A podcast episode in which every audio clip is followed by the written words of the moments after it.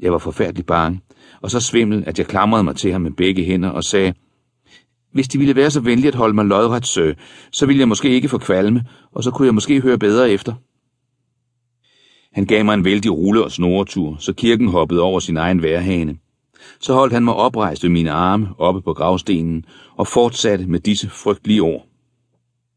I morgen tidlig, så kommer du med den fil og den proviant til mig. Du kommer med det hele, derover ved det gamle batteri. Det er, hvad du gør. Og du våger ikke at sige et ord eller gøre et tegn om, at du har set sådan en som mig, eller nogen anden overhovedet. Og så skal du få lov at leve. Hvis du ikke kommer, eller hvis du gør andet, end som jeg har sagt, lige meget hvor lidt, så bliver hjerte og lever revet ud på dig og stegt og et.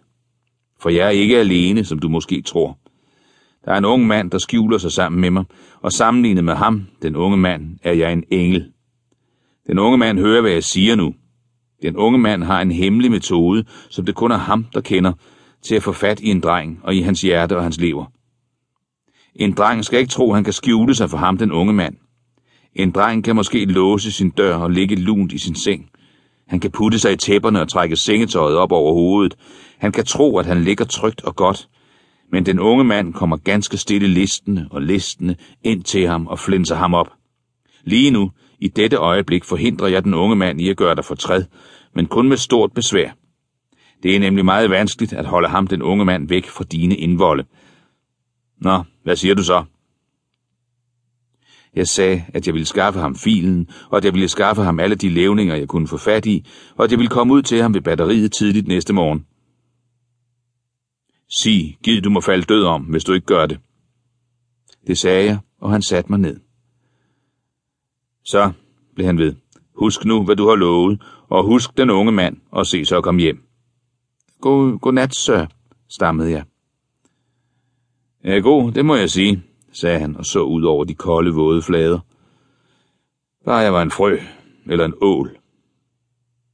Samtidig slog han begge arme om sin skælvende krop, krystede den som for at holde sammen på sig selv, og humpede hen mod den lave kirkegårdsmur. Mens jeg så ham gå med varsomme skridt mellem nellerne og brumbærrankerne, der holdt de grønne ture i deres greb, virkede han i mine barneøjne, som om han prøvede at undgå de dødes hænder, der strakte sig listigt op ad gravene for at få tag i hans ankel og trække ham ned. Da han nåede hen til den lave kirkegårdsmur, klatrede han over den, som om hans ben var stive og følelsesløse, og drejede sig så og kiggede efter mig. Da jeg så ham dreje sig, vendte jeg ansigtet hjemad og brugte mine ben det bedste, jeg havde lært.